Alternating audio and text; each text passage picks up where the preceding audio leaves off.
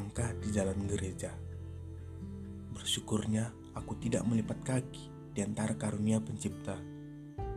Tapi bagaimana pula aku bisa melewatkan setiap keindahan dari ciptaannya? Aku mencoba tidak membesar-besarkan engkau adalah suatu karunia yang sangat indah.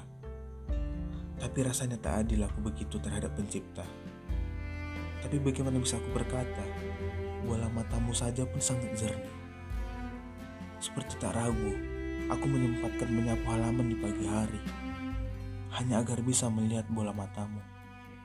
Aku sangat rela maju dan mundur kembali hanya karena ingin memastikan kau ada di tempat yang sudah kuduga.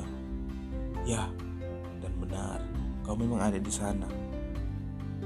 Parah bagiku, kau membuat aku merosot ke pojokan karena hanya mengulang-ulang keadaan saat kau menggenggam tanganku dikala kakiku goyah di antara basahnya tanah perkebunan itu.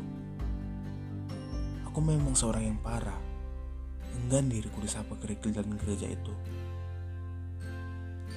Pernahkah kau merasa pernah pernik langit bersenandung kepadamu?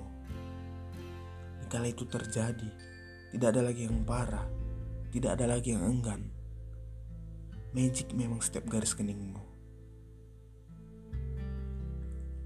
Di atas ketinggian 150 meter ini, ku gigit cahaya itu apa masuk pencipta mengarahkan kakimu melangkah di tanah basah perkebunan itu?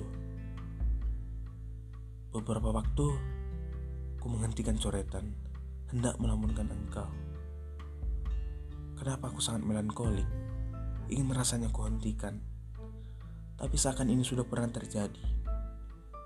Ya, ku dihampiri di jabu. Katanya, orang yang sering mengalami dejavu itu memiliki kecerdasan yang tinggi Hmm, cerdas memang jiwa dan ragaku. Berlabuh pada karunia sang pencipta. Begitu juga pernah seorang teman berkata, Ya, ku teringat lagi. Benar, banyak yang bisa diingat dari karunia.